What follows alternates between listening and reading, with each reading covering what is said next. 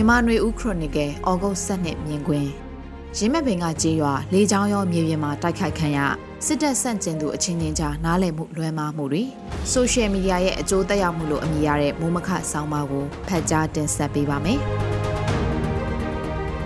အော်ဂိုလာ17ရက်နေ့နေ့လယ်မှာရင်းမဲ့ပင်မြို့နယ်အနောက်တောင်ဘက်ပလဲမြို့နယ်နဲ့နီးစပ်တဲ့ဒေသကရွာတရွာဖြစ်တဲ့ရင်းမောင်တိုင်ကျေးရွာကိုစစ်ကောင်စီကရဟတ်ရင်တွေနဲ့ပစ်ခတ်တယ်လို့စစ်ကောင်စီတပ်သားတွေလည်းရဟတ်ရင်နဲ့ချပြီးစီးနင်းတိုက်ခိုက်ခါကျေးရွာသားတချို့ကိုပါဖမ်းဆီးထားတယ်လို့သတင်းတွေရဲပါရှိပါတယ်။ဒီနေ့မှာသတင်းဌာနတွေကမေးမြန်းမှုကိုဖြေကြားရမှာတော့ချင်းကာကွယ်ရေးတပ်ဖွဲ့ဝင်တချို့ကချင်ပြည်နယ်ဘက်ကနေဆင်းလာပြီးခရီးတစ်ထောင်နားနေစင်မှာရင်မောင်တိုင်ကျေးရွာကိုပြစ်မှတ်ထားပစ်ခတ်တာလို့ဆိုပါတယ်။ အခုလိုချင်းကာကွယ်ရေးတပ်ဖွဲ့ဝင်တွေဖျက်တမ်းချိန်မှာအချိန်ခိုက်တိုက်ခိုက်ခြင်းဟာဒီဒေသကတအူးဦးကသတင်းပေးလို့ဆိုတဲ့တန်တရားလည်းရှိနေကြပြီးစစ်ကောင်စီဘက်ကသတင်းအတိအကျရတာကြောင့်အခုလိုလေကြောင်းနဲ့လာရောက်ပြီးတိုက်ခိုက်တာလို့ကောက်ချက်ချကြတာဖြစ်ပါတယ်။ ရမက်ပင်ဒေသမှာနာမည်ကြီးထင်ရှားတဲ့တော်ဝင်နဂါတက်တော်ရဲ့ PDF ခေါင်းဆောင်ဖြစ်သူဘိုးနဂါနဲ့ဆရာဝန်မအင်းငိမ့်တို့အင်တာဗျူးအွန်လိုင်းမှာဖြန့်ဝေပြီးရက်အနည်းငယ်အကြာမှာအခုလိုတိုက်ခိုက်မှုဖြစ်တဲ့တိုက်ဆိုင်မှုကြောင့်ဆိုရှယ်မီဒီယာမှာတချို့ကအင်းငိမ့်ကိုတန်တရားနဲ့ဆွဆွဲပြောဆိုမှုတွေမနက်ပိုင်းကထွက်ပေါ်နေကြတာလည်းဖြစ်ပါတယ်။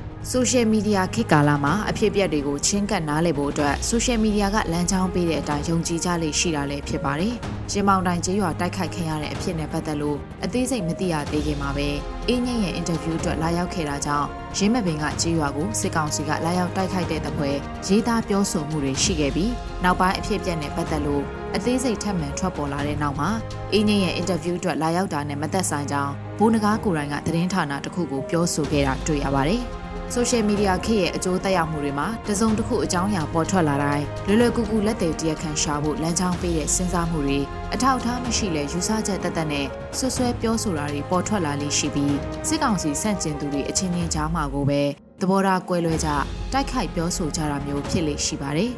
ဒီလိုအနေအထားမျိုးဖြစ်ပျက်မှုမျိုးကိုဆိုရှယ်မီဒီယာရဲ့ဘေးရွက်ဆိုးကျိုးတစ်ခုလို့ပြောရင်တော့ပြောလို့ရမယ်လို့ထင်ပါတယ်။ တခါတရံမှာရိုးရိုးသားသားတန်တရားဖြစ်တာမျိုးရှိတယ်လို့တခါတရံမှာတော့မိမိတို့အဖွဲ့အစည်းကိုဝေဖန်သူတွေကိုအခုလိုအခွင့်အရေးရတဲ့အခါဆွဆွဲပြောဆိုပြီးလူအများရဲ့ယုံကြည်မှုထောက်ခံမှုမရတော့အောင်လှုံ့ဆော်ကြတာမျိုးလည်းရှိတတ်တာဖြစ်ပါတယ်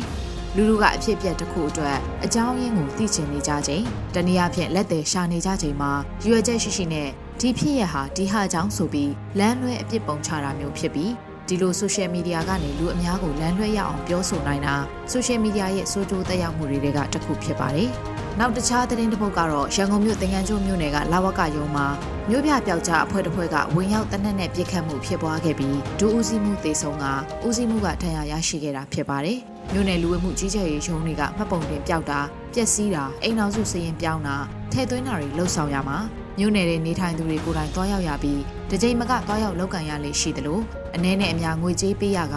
သွေးနှောသူတွေအဖို့ငွေမျိုးမျိုးမြက်မြက်ပေးမှမှတ်ပုံတင်လုပ်ပေးတာကြောက်ပြက်တဲ့အခါပြန်ထုတ်ပေးတာမျိုးတွေဖြစ်ပါတယ်လူတချို့ကတော့လူလူကိုငွေကြေးတောင်းခံနေတဲ့စစ်ကောင်စီရဲ့အရက်ဖက်ဌာနဝန်ထမ်းတွေကိုအခုလိုလှုပ်ကြံတက်ဖြတ်တာကိုထောက်ခံပြောဆိုတာတွေရှိပေမဲ့တချို့ကတော့ဒီလိုလှုပ်ကြံတက်ဖြတ်မှုတွေကအခြေအနေပုံမှုရှုပ်ထွေးလာစေမှာကိုစိုးရိမ်ကြတာလည်းရှိပါတယ်။ အရက်ဖက်ဌာနတွေကိုပြစ်မှတ်ထားတပ်ဖြတ်တာမျိုးမလုပ်ကြဖို့သဘောထားရှိသူတွေလည်းရှိတာမျိုးဖြစ်ပါတယ်။မြို့ပြပျောက်ကြားအဖွဲ့ PDF အဖွဲ့တွေအနေနဲ့လက်နက်ကင်တပ်ဖွဲ့ဝင်မဟုတ်သူတွေကိုလှုပ်ချံတပ်ဖြတ်တာတွေကြောင့် PDF ရဲ့ပုံရိပ်နိုင်ငံတကာအဖွဲ့အစည်းတွေအနေနဲ့အကြမ်းဖက်မှုတွေနဲ့ဆက်နွယ်တယ်လို့သတ်မှတ်ယူဆနိုင်ခြင်းရှိတာကိုလည်းထောက်ပြကြတာဖြစ်ပါတယ်။